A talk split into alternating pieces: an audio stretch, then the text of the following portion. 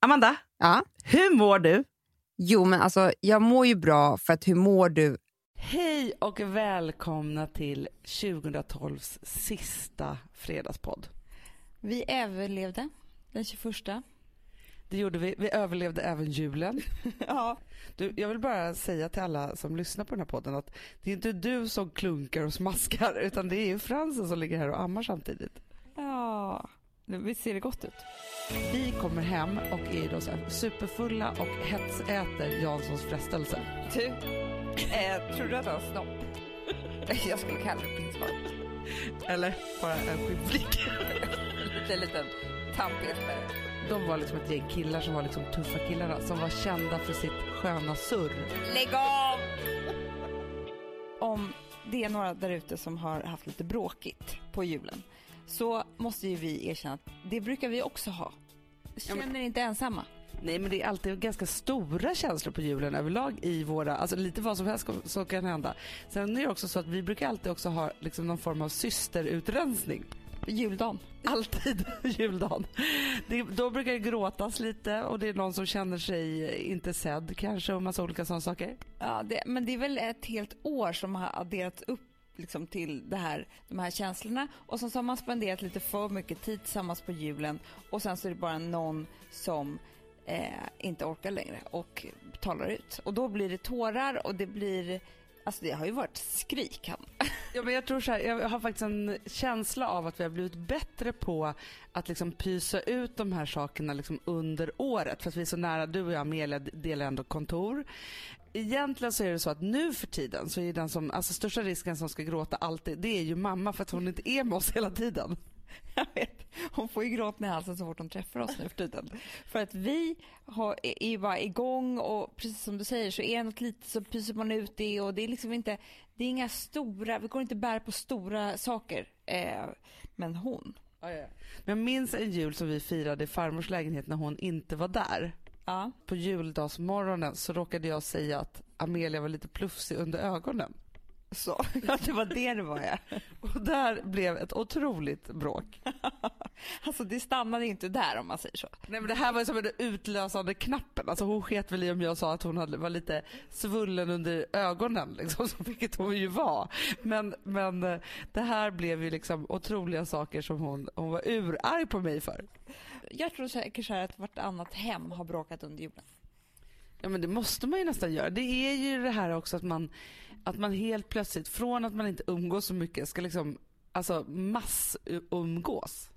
Ja, men vi som är stockholmare, jag är så avundsjuk på en grej som eh, jag tror inte händer i Stockholm, men det händer ju på landsbygden. Det är det här när man kommer hem och ska gå ut på juldagen och träffa alla gamla kompisar.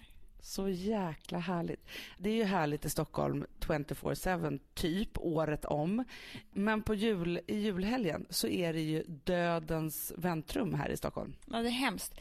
Men, och det jag tänker med det där också, det är att eh, jag tror att efter man har varit med familjen då kanske två, tre dagar, så behöver man en fylla. Man behöver försvinna. Alltså man har ju bråkat och man har liksom hållit käften om massa saker som man egentligen tycker hit och dit och så här. Och då tror jag att den där passar så bra in, liksom när fyllan, att man går ut på krogen och, och bara slår bakut. Vi har ju inte det, vi sitter ju fast. Ja, och då blir det bråk istället. Men du, jag måste faktiskt berätta om en gång då jag hängde på någon annans hemvända fest. Aha. Men det var så här, vi hade firat någon form av jul och jag var superkär i en kille. Så att på juldagen typ så, så krånglade jag mig ur våran jul och drog då till en mindre småstad i Sverige. Kommer du ihåg där? Ja. ja. Och hela tanken var ju då att jag skulle träffa den här killen som jag var så fruktansvärt kär i. Eh, och vi skulle festa liksom alltihopa. Men jag hängde liksom med hans tjejkompisar också. Liksom. Det var de som jag så började hänga med innan. Det var liksom inte riktigt så uppgjort allt det här. Men jag var väl så nervös över att vara i den här killens stad, på hans ställe med hans polare. Så att jag drack alldeles för mycket.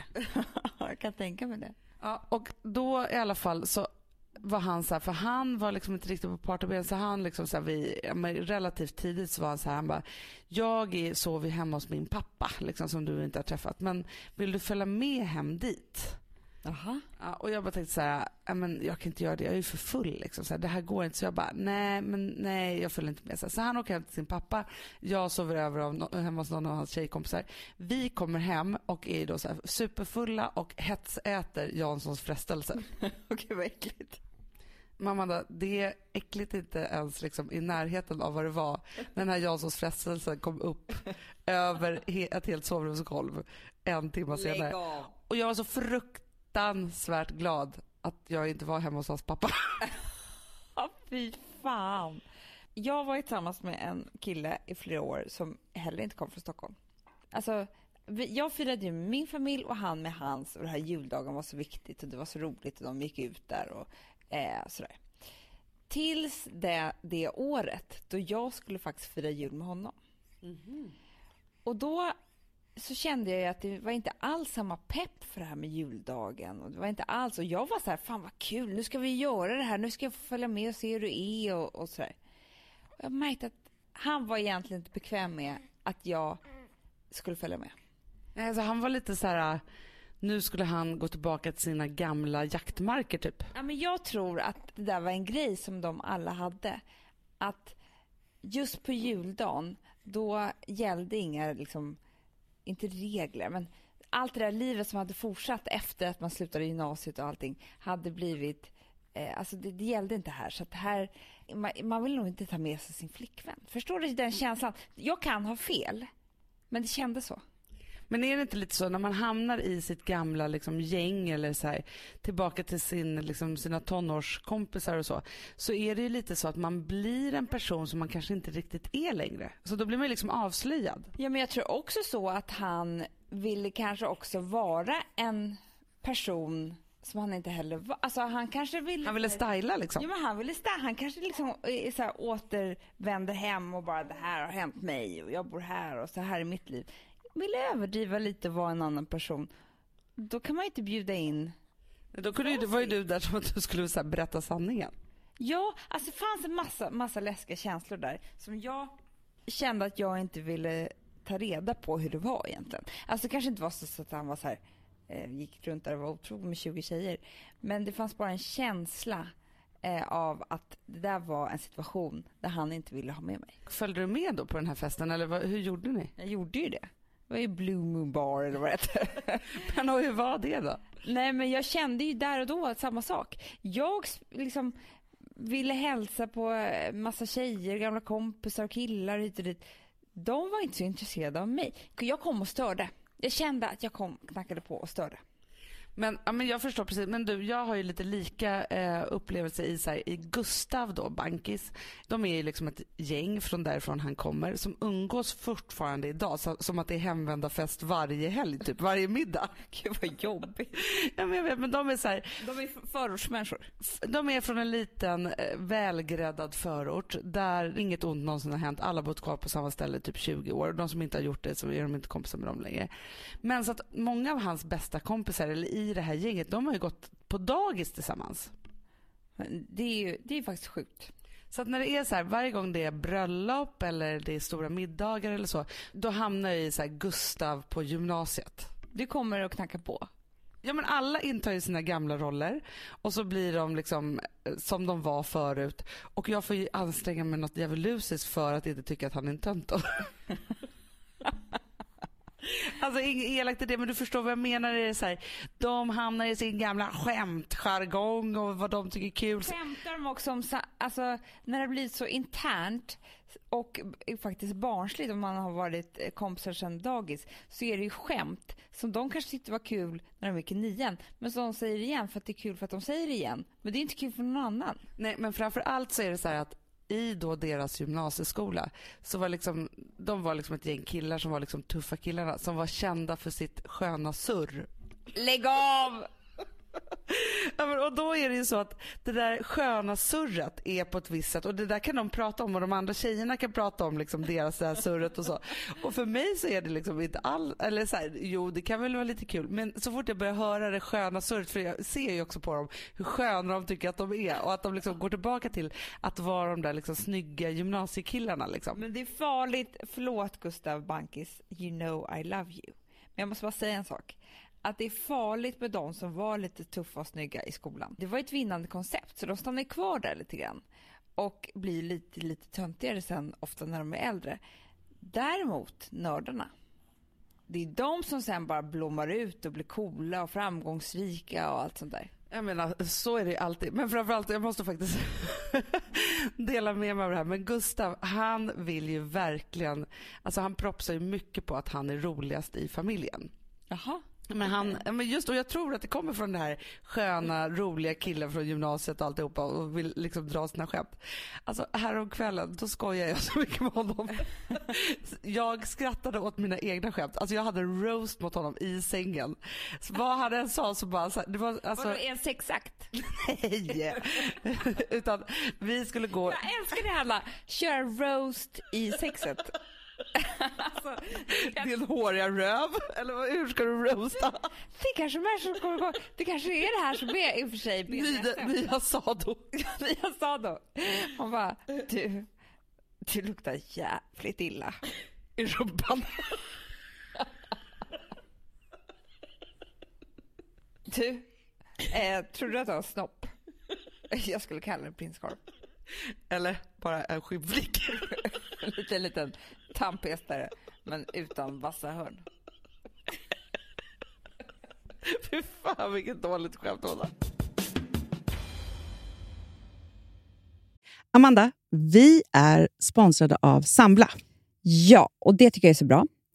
För att just också i dessa tider, Hanna, men Mm. oavsett, så är det ju jätte, jättesvårt det här med lån och långivare och vad man ska ha, liksom vad man ska kräva och vad som är bra och dåligt och alltihopa. Och då, men Sambla, Hanna, de kan allt.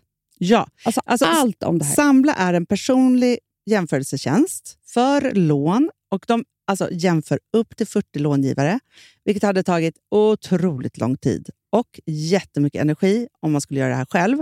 Mm. Och De hjälper ju dig som kund liksom, att jämföra dina långivare. Ja, men det är precis det de gör.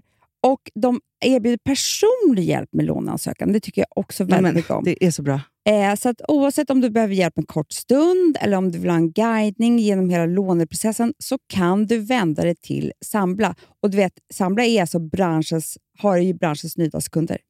Fem stjärnor och 24 000 omdömen på Trustpilot. Då har man gjort ett bra jobb kan man säga. Mm. Så är det. Hörrni, in på sambla.se och ansök. Vi har ett betalt samarbete med Syn nikotinpåsar.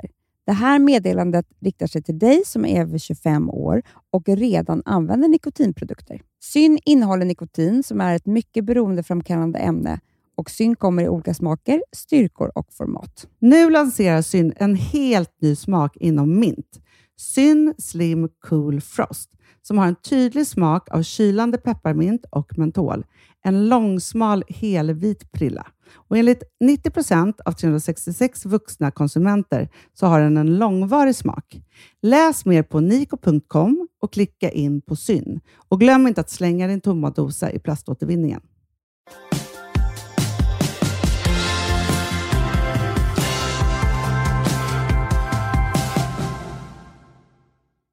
Från det här flamsandet som vi håller på med nu så vill jag faktiskt ta upp ett, ett riktigt allvarligt ämne. Det tycker jag. Förra fredagen så fick jag ett vykort hem till mig. Ett stort vykort. Stod, det var som ett A4 med en eh, läskig bild på med något konstigt öga. Och på det här vykortet så stod det med tryckt text. Hej Amanda. Jag drömde om dig i natt. Vi var på Gotland i en stuga och det regnade. Du var inte vid livet längre. Och du var väldigt arg på mig för att jag inte hade varnat dig. Det var den 17 juli 2014. Jag har aldrig gjort något sånt här förut men jag måste bara varna dig. Du måste göra en hälsoundersökning innan jul. Det var det meddelandet som den här personen ville skriva till mig. Och jag blev så fruktansvärt illa berörd eh, på alla sätt och vis. Om det är någon där ute som tror att den gör något gott när den gör något sånt här så, är så gör man inte det. Det här var jätte, jätte, jätte obehagligt för mig. Och jag tror att alla också som är nyblivna föräldrar, när man har en liten, liten bebis, så kretsar alla hormoner och allting kring det här ansvaret som man har för den här bebisen och att man själv också då måste vara frisk och hälsosam och överleva och, och så. Det är gamla så här stenåldershormoner som verkar i en. Att då få ett sånt här kort om man skulle få ett otrevligt mejl så kan man börja gråta för det för att man är så svag. Men att få ett sånt här kort på halmmattan, det var inget roligt. Och jag kan bara säga det att på riktigt, om det här någonsin händer mig igen så kommer jag lägga ner allting som har med det jag gör idag att göra. Blogg och tidning och podcast och vad det nu kan vara. För att eh, jag kan inte tillåta sådana saker i mitt liv. Och det, det här var den enda och sista gången jag sa det här och nu har jag sagt det och det känns jätteskönt.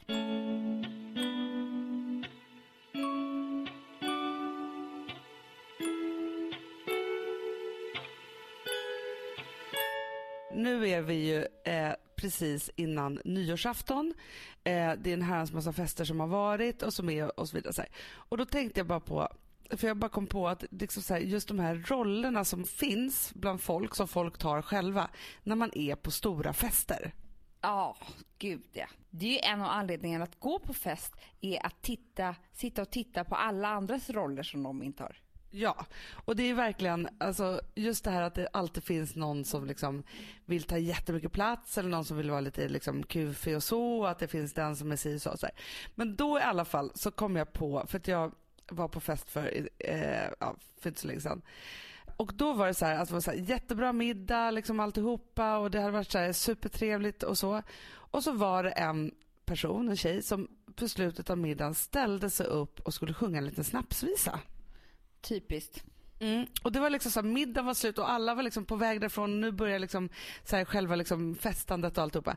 Men också eh, det som slog mig med den här personen var då att den ställer sig upp, ska sjunga den här lilla visan har ingen röst överhuvudtaget. Typ. Alltså det är inte Sarah, Sarah Dawn Finer som sjunger något härligt för att den, och vill styla lite, liksom, för det är en sak. Liksom. Det kan man förstå. Men det är liksom en, en person som bara ska sjunga för att vara lite speciell. Ja, men de människorna, de kan jag för sig vara avundsjuk på. För att de är så fyllda av ett självförtroende som är nästan eh, inte på riktigt. Alltså de måste ju ha haft föräldrar som har från födelsen bara sagt att du är bäst, du måste höras. alltså liksom ta varje chans du kan. För att jag kom, du, du kommer också ihåg en födelsedagsfest jag hade där det var en tjej som jag knappt kände faktiskt. Som bara så här, hon såg bara min födelsedagsfest som en stor scen för henne själv. Och ställer sig upp och bara, hörni, Amanda grattis på födelsedagen. Alltså det här var typ någon flickvän till någon kille som jag kände. Jag kände inte den här tjejen. Jag vill bara ta tillfället i akt att sjunga några toner. And I, I will always love you hur kan man dra igång den låten? Ja, men alltså, grejen är också att ofta när jag har varit på fest så får jag ju ångest för att jag har varit lite mycket. Ja. Men, och då har inte jag sjungit eller uppträtt eller något. Ja, men jag vet, men jag, jag har alltid samma ångest som du också. Jag känner att jag berättade för mycket, jag pratade med för många, kunde jag inte bara hållit mig till två, tre personer? Skulle jag vara som ett virvar överallt och liksom tömma hela mitt innehåll? Fast grejen är så här, det är det, det, här som hör ihop. Den här tjejen som ställer sig upp och sjunger, hon har ingen ångest, Anna. Hon känner så här, fan vilket bra gig jag gjorde igår. Ja men det måste ju vara det att man liksom tycker att man är så fylld av sig själv och sin sångröst typ att man inte tycker att man att, att eller man bara tycker så här, gud vad härligt nu ger jag alla det här till, i present. Ja, precis. Men frågan är om du hade en fantastisk sångröst kan du vara helt säker på att du inte skulle göra detsamma? Nej, men då skulle jag göra det jämt. alltså, det. He hela, hela tiden. Nej, men alltså, grejen är så här, om jag kunde sjunga jättebra, då, alltså, jag älskar ju att sjunga. Alltså, det är ändå min, en, liksom en dröm som jag har, har haft, att kunna sjunga bra. Och du vet ju också hur jag har plågat er på olika skolavslutningar då jag ändå har sjungit. Alltså, jag har ju ändå varit och, och liksom tangerat på det här. Men jag har liksom så här, det har ändå vuxit ifrån mig i vuxen ålder. Det roligaste är att vi har en systerlåt som vi kör. Fast det är ett riktigt partytrick skulle jag vilja kalla det för. Vi har ju en låt som vi kan sjunga lite bra. Ja, vi vet ju inte. För det är vår mamma och pappa som tycker att vi sjunger den bra. Så vi har aldrig fått... Alltså, vi kanske skulle fråga någon annan, så här, på, någon som kan vara ärlig, om det är bra eller inte.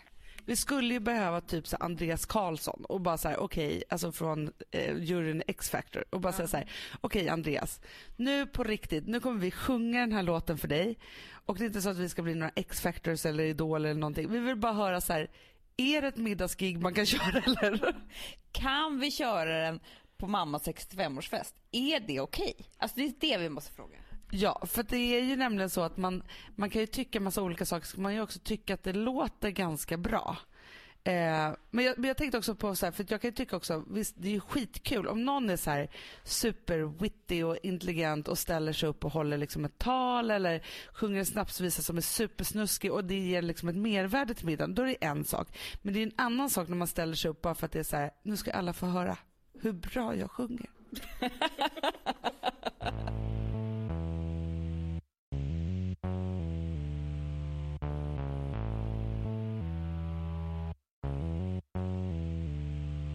Jag såg på TV. Actors Studio. Har du sett det? Nej, men jag har inte sett det men du har ju snackat en del om det. Du har aldrig sett det? Nej jag har inte sett det. Men du Jag kanske inte har den kanalen. Åttan. Ja det kanske jag har. Eller nian eller något sånt. Ja, ja. Strunt i samma. Det är i alla fall ett väldigt känt program som går i USA. Där en programledare... Jo men det här har jag sett. Nu trodde jag att du skulle prata om det här programmet med, med olika människor som sminkade folk till varulvar och så.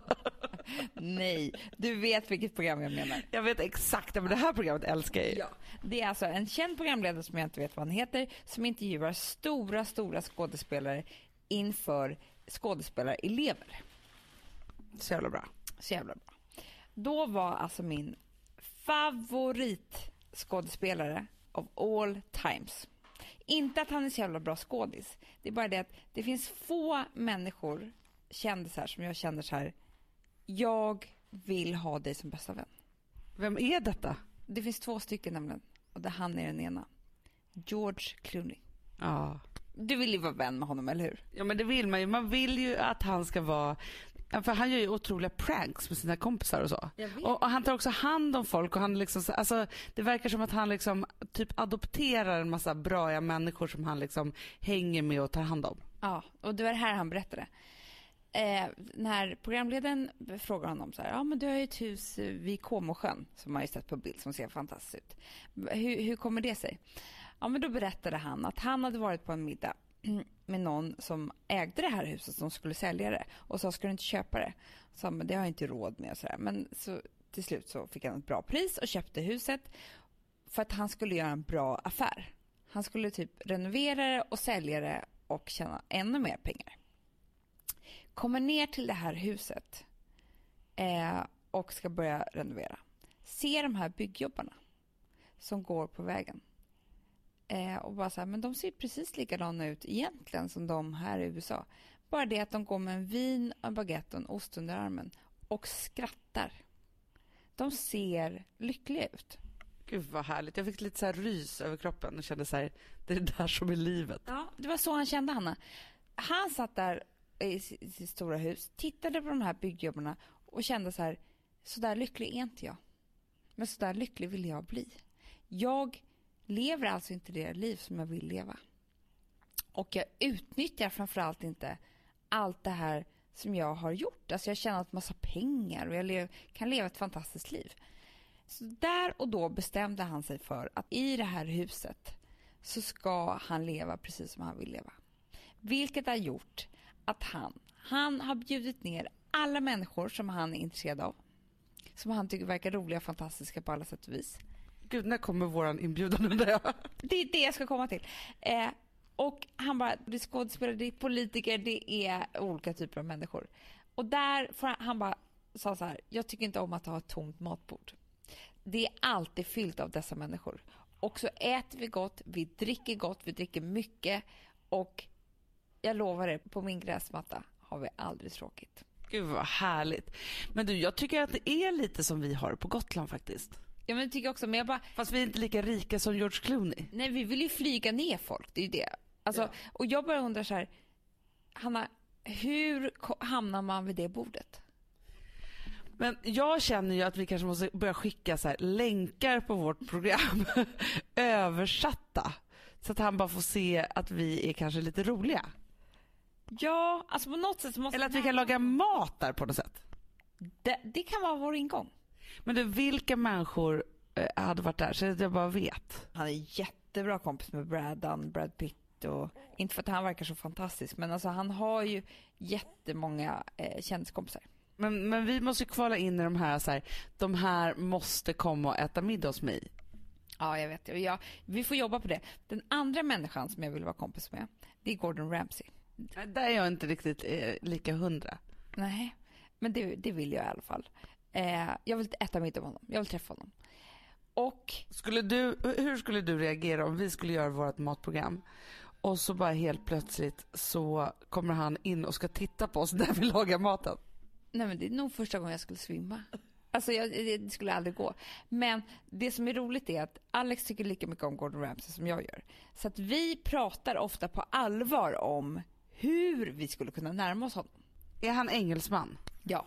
Men han, För då är han ju ganska nära ändå. Det är det jag tycker. Och jag tror inte det funkar att åka till hans restaurang och sådär. Alltså vi, vi har ju haft olika utmaningar med varandra. Att vi sitter i London på hans restaurang och man har 30 sekunder på sig när han kommer fram vid bordet för att fråga om det var gott. Men det funkar aldrig för vi vet aldrig hur vi ska ta det till nästa nivå, alltså till vänskapsnivå.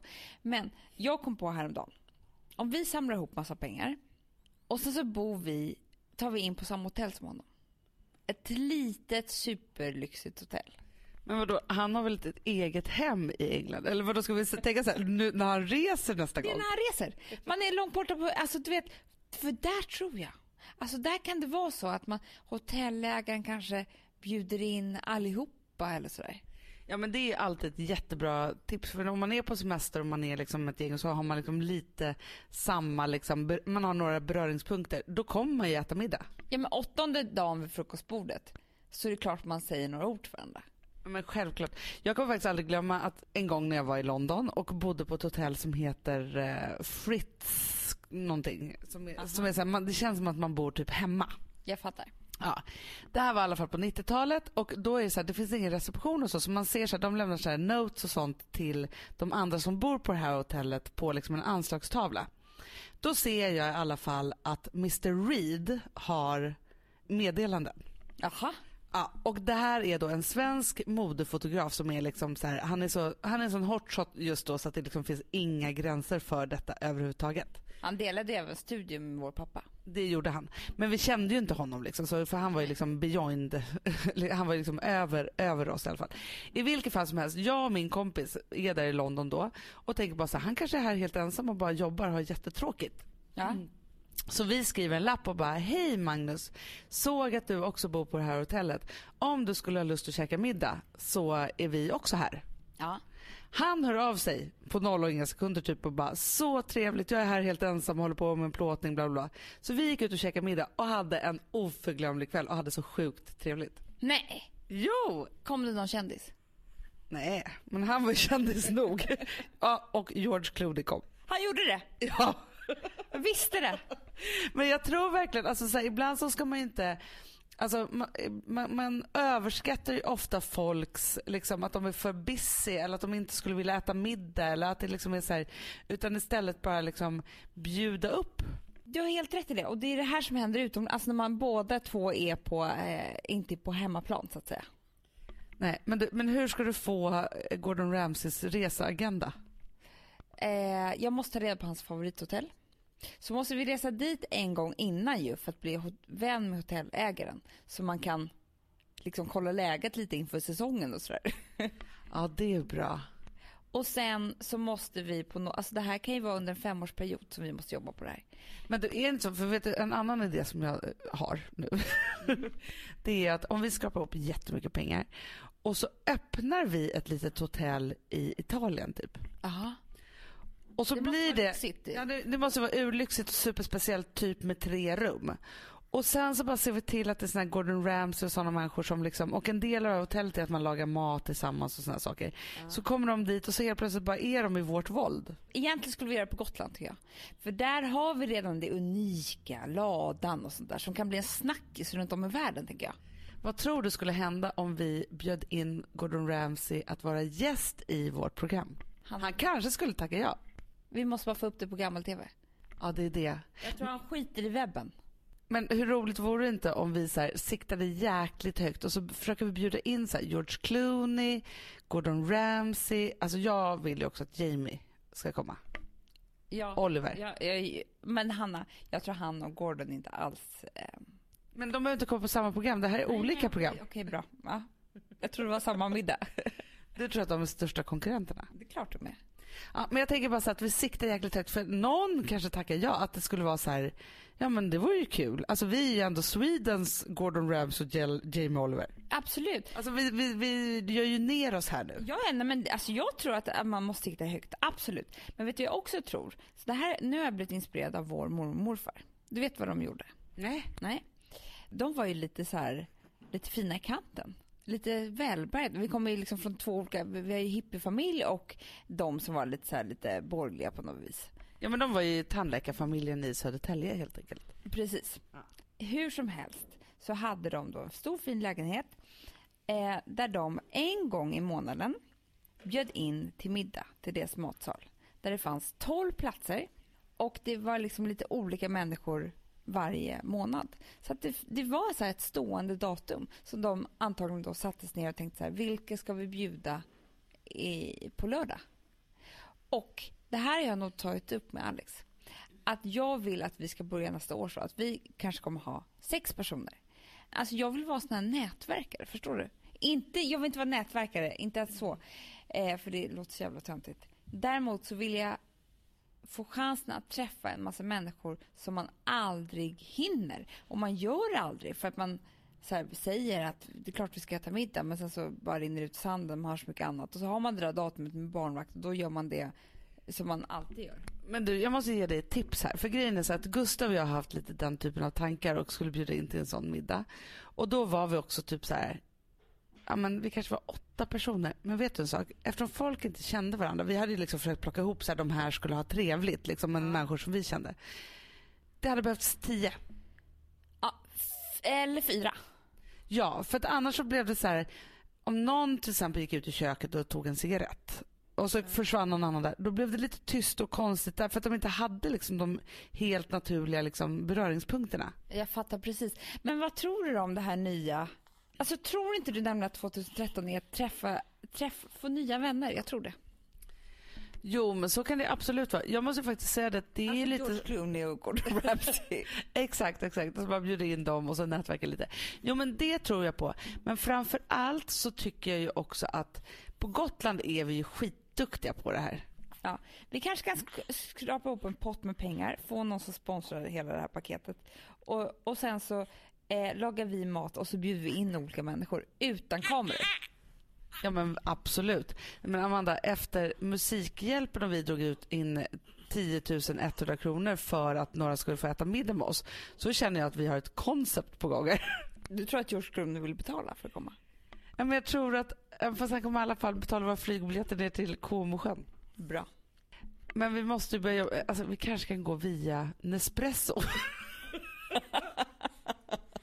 Fast Amanda, nu har jag en jättebra idé. Ja, bra. Lyssna på det här. Det här är ett programförslag för det vi kallar gammel-tv, alltså de stora kanalerna. Och jag vill att kanalcheferna börjar ringa så fort det här programmet har gått. Hanna och Amandas jakt på George Clooney. Bra. Så får man följa oss när vi försöker bli kompisar med honom. Hanna rullar ner en boll av kashmir. för berget i Comosjön. Med en flarra vin och en baguette under armen. och bara ser jättelycklig ut och man tänker så här, hoppas George ser mig nu. Eh, Precis. Bli lyckliga med George Clooney kommer det heta. Men det kanske är så här, ett avsnitt så jagar vi George Clooney och försöker bli kompis med honom. Nästa avsnitt, det är då vi åker till Gordon Ramsay och försöker bli kompis med honom. Ja, sen kan vi skrapa ihop några fler. Hanna och Amandas nya vänner. Det är bra. Hörni, Kanalcheferna, det är bara att ringa. Ni har våra nummer.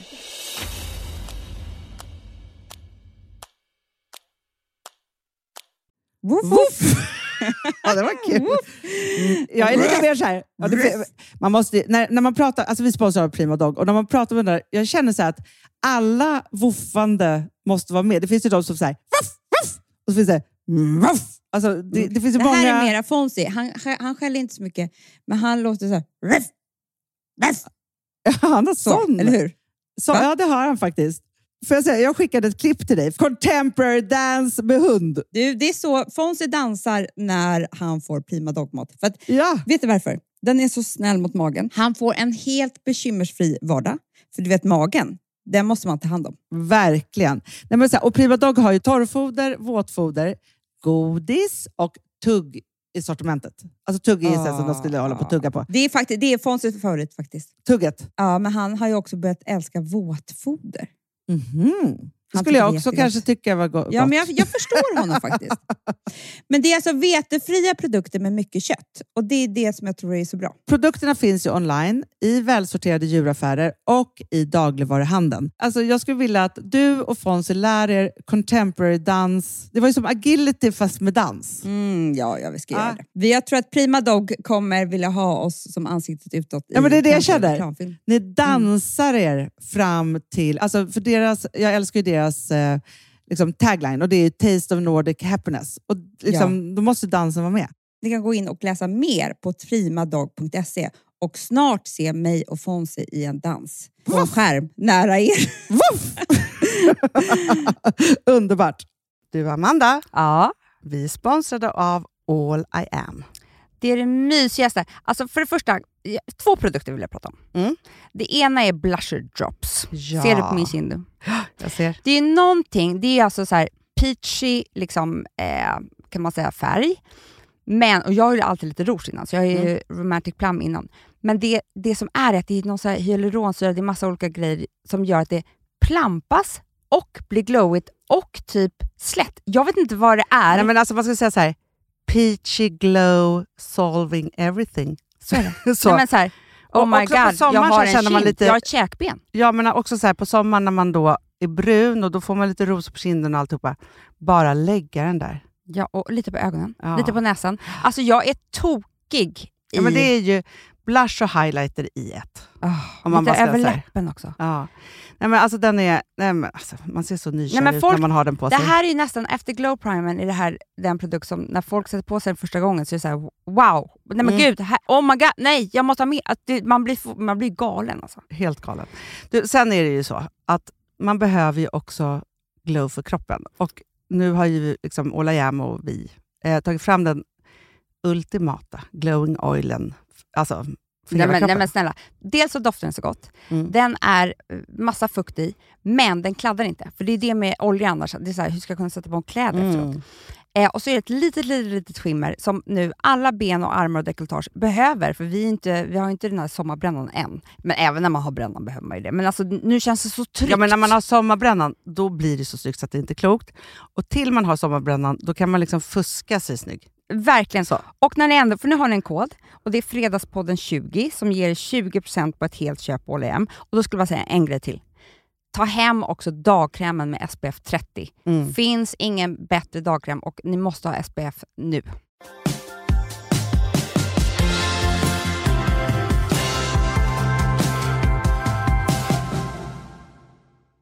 Vi står ju nu inför ett helt nytt år. Eh, vi är inte så himla liksom, förtjusta egentligen, både du och jag, nu pratar jag för dig också, men att liksom, göra nyårslöften, vi tycker att, att året börjar om på hösten och sådana saker. Men jag älskar ju att jag älskar ju måndagar till exempel för att då är det som att man får börja om. Jag älskar varje dag egentligen för att det är så som att man får en ny chans. Och nu faktiskt med det nya året så är det ju verkligen som att man kan ta sats och göra en massa saker bättre. Och då undrar jag vad du har för funderingar runt vad du ska göra bättre i år. Eh, jo, jag har faktiskt tänkt lite grann på det här. Och eh, själva samlingsordet, eller meningen för mitt löfte eller mina löften, att jag kommer att ta makten över mig själv, mitt liv och mina känslor. Och mig. Och, och dig. Eh, och med det menar jag, vi har ju touchat lite vid det eh, förut och varit så här, kanske skojat lite om det så här, att vi vill vara så Camilla Läckberg hit och dit och så. Men det som har kommit till mig är att nu är jag en tvåbarnsmamma. Jag har eh, en man och ett hem och jag har ett jätteroligt jobb som innefattar massor massor med saker. Det funkar inte för mig att bara flyga omkring i allt det här. Jag måste på alla, och det här låter så här praktiskt och så, men för mig är det väldigt känslosamt för att jag är egentligen för känslig för att kunna göra det. Eh, så det Alltså förstår, jag är ute och cyklar, förstår. Jag Nej, du är inte alls ute och cyklar. Jag förstår precis. Egentligen, jag skulle byta ordet eller makt är ett bra ord för det är liksom verkligen så att ta makten över sig själv. Men framför allt så skulle jag vilja använda ett av mina favoritord. Kontroll. Precis. För någonstans så är det så här, när man har så här otroligt mycket som du har så är det så här att jag vill sätta ramar för allt. För inom det, då kan jag vara kreativ. Om jag bara fladdrar omkring i allt, då blir det liksom inget av något. Nej men det är precis så. Och jag tror att, för att eh, hamnar jag bara där i att så här, åh, det blev så mycket nu och vaknade nätter och ammande och sen så gjorde jag det här och hit och dit och nu ska vi träffa dem och då kan jag känna mig lite som ett offer i allt det här. Och det är det jag vill ta bort från mitt liv. Jag vill vara så här, nej men nu gör jag det här och då händer det och det är så här, alltså mycket mera peka med hela handen åt mig själv. Ja, men Amanda, jag tycker att det här är ett otroligt bra löfte. Eller liksom någonting som, att, att jobba på. Liksom. Men jag bara undrar hur jag ska gå tillväga. Men jag tror så här. Alltid när man ska ta liksom kontroll eller makt över sitt liv och så vidare så, här, så måste man ju först gå till sitt innersta rum på något sätt. Och så måste du ju skapa det som är din drömvärld. Alltså hur ser ditt drömår ut? Hur mycket tid vill du spendera på varje sak? Precis, prioriteringslista och sådär. Ja.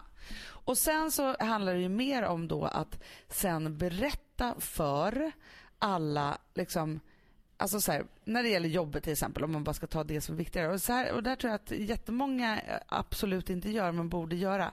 Då är det egentligen så här, så här, så här okej, okay, hur skulle jag vilja jobba? Vad vill jag göra?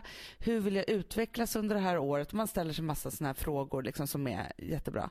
När man har gjort det och kommer fram till så här, så här skulle min drömsituation på jobbet se ut. Då måste du gå till mig och till Mikaela och så. Och så måste vi liksom titta på allt det här, hur det skulle kunna funka för dig. Precis. Och när man sen har liksom gjort det och satt den här liksom grunden för det så har du ju liksom din första ram i livet och då kan du ju planera ut efter den. Förstår du vad tillfredsställande? Ja, men det vore fantastiskt. Det ska jag göra. Jag ska göra samma sak med mitt, eh, med mitt äktenskap. Alltså så här, sätta mig ner med Alex och bara bestämma att vad behöver vi för att gå runt rent kärleksmässigt under det här året? Eh, behöver vi barnvakt då och då? Behöver vi göra det här? Behöver vi liksom...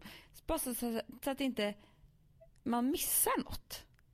Men jag tycker att det är en strålande idé och jag var faktiskt lite inne och nosade på samma sak. För att i morse så tänkte jag just på den här så här, okej okay, nu är det 2013, Vilma fyller två år här precis i liksom nästa vecka.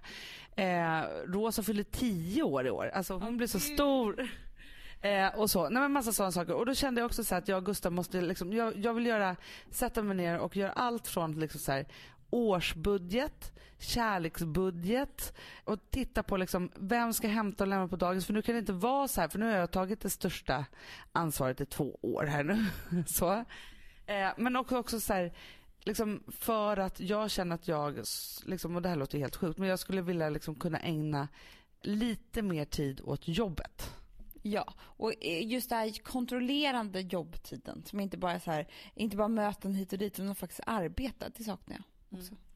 Nej men så det är massa sådana saker, men jag tror verkligen att, att man vid varje slut eh, ska summera, inventera allt för att sen kunna liksom fylla på med det som man behöver till nästa år.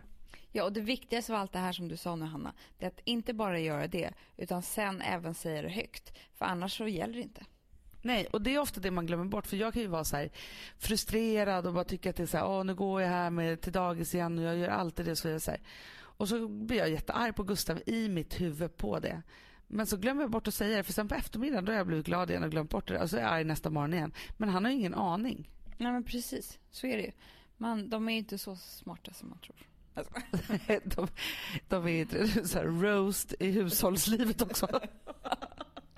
Men framförallt, men jag tycker att du har helt rätt Amanda och om ni gör det. det är samma, att du har samma. Ja, men jag hade exakt samma, jag hade bara inte, jag hade inte döpt det till att jag skulle ta makten över mitt liv utan jag hade döpt det till att det skulle vara så här ordning och reda på livet 2.0 typ. Bra. Och sen så har ju du ett tillägg på det. Vadå? Du ska ha lite mer roast sex, sex livet också. Jag känner att du är så inspirerad så du kommer köra det redan ikväll. Vilket är det första roasten du kommer köra med Alex? Men första, alltså jag, jag har så många. Ett batteri. Ja, Jag kommer börja med att trycka ner honom totalt. Alltså som ett, alltså så att han verkligen, han ligger ner redan men Han ska verkligen känna att det är inte härligt i den här sängen. nej precis, precis. Eh, det kommer vara svårt att få upp den efter det. Det kan jag säga. Det här är nya tidens sadomasochism. Jag, jag känner ju det. Men du, jag tycker ändå att det är bra och jag tror faktiskt att alltså, jag önskar alla att man skulle liksom göra en sån här äh, härlig. Men framför allt Amanda, det som jag måste då plussa dig för, det är just för jag hade faktiskt inte tagit med den här. Vad behöver vi för, våra, för att vi ska vara kära? Det är det viktigaste. För att det sa jag häromdagen till Alex att det kan vara egentligen för dig och mig att man gör såna saker, absolut. Men framförallt så är det för våra barn. För att håller man inte äktenskapet vid liv, då kommer de ha skilda föräldrar. Jag vill bara att ni ska veta nu att Amanda så pekar med ena fingret och säger de här sakerna. Till Frances. Ja, precis. Som ligger här och skrattar. Nej, men så är det ju. Det är inte, så här, det är inte någon egogrej utan det är för faktiskt hela familjens skull. Att eh, föräldrarna ska ha det härligt. Ja men alltså jag och Gustav säger det varje gång som vi gör någonting som är liksom utanför familjen och utan våra älskade ungar. Eh, då säger vi bara till varandra det här måste vi göra varje helg typ. Och sen så blir det en gång i halvåret. Ja, det är för sällan. Det är Ja. för sällan. Nej, det, jag känner stor styrka nu för 2013 och vet du vad jag känner också? Nej. Det är the golden year. Kul tycker jag att du känner det. Ja, men jag känner det. Jag känner i hela min mage att 2013 är ett helt otroligt jävla bra år. Ja, men jag känner faktiskt lika. Jag har otroligt stora förväntningar inför året och jag är också eh, otroligt, eh, alltså vi har ju ett år, för, alltså så här, om man tittar på vårt förra år så var det så att vi gick in i någonting som vi inte hade någon aning om hur det skulle se ut på ett enda sätt. Och nu går vi in i ett år som typ är fullbokat. Ja, Det är två helt olika sorter liksom. verkligen. Det ska bli skitkul. Nu kör vi. Golden year. Och gud vad det ska bli härligt. Och vi kommer ju faktiskt fortsätta med eh, vi kommer ju börja alltså direkt efter nyår med att spela in nya härliga eh, webbprogram. Ja. Och sen lovar vi att vi ska göra podden så mycket vi bara orkar och så typ nästan alla veckor på ett år. Ja. Och sen kommer vi fortsätta blogga som tusan. Ja. Twitter. Instagram. Vad heter du nu igen på Twitter och Instagram? Mandy Schulman på Instagram. Där är jag som bäst tycker jag. Eh, Twitter heter jag Amanda Videll men jag tycker Instagram är lite roligare. Jag heter Hanna Widell på, på båda ställena och jag kan ju faktiskt hålla med om att Instagram känns lite som framtiden. Men skitsamma. Och Vi köp vår tidning. Ja, och prenumerera så att vi bara kan fortsätta liksom hålla på och frodas och vara i det där. Eh, Men vi kommer göra allt detta för er, tillsammans med er och vi hoppas att ni också ska tycka att det här är lika kul som vi. Ja, vi älskar er. Gott nytt år. Vi ses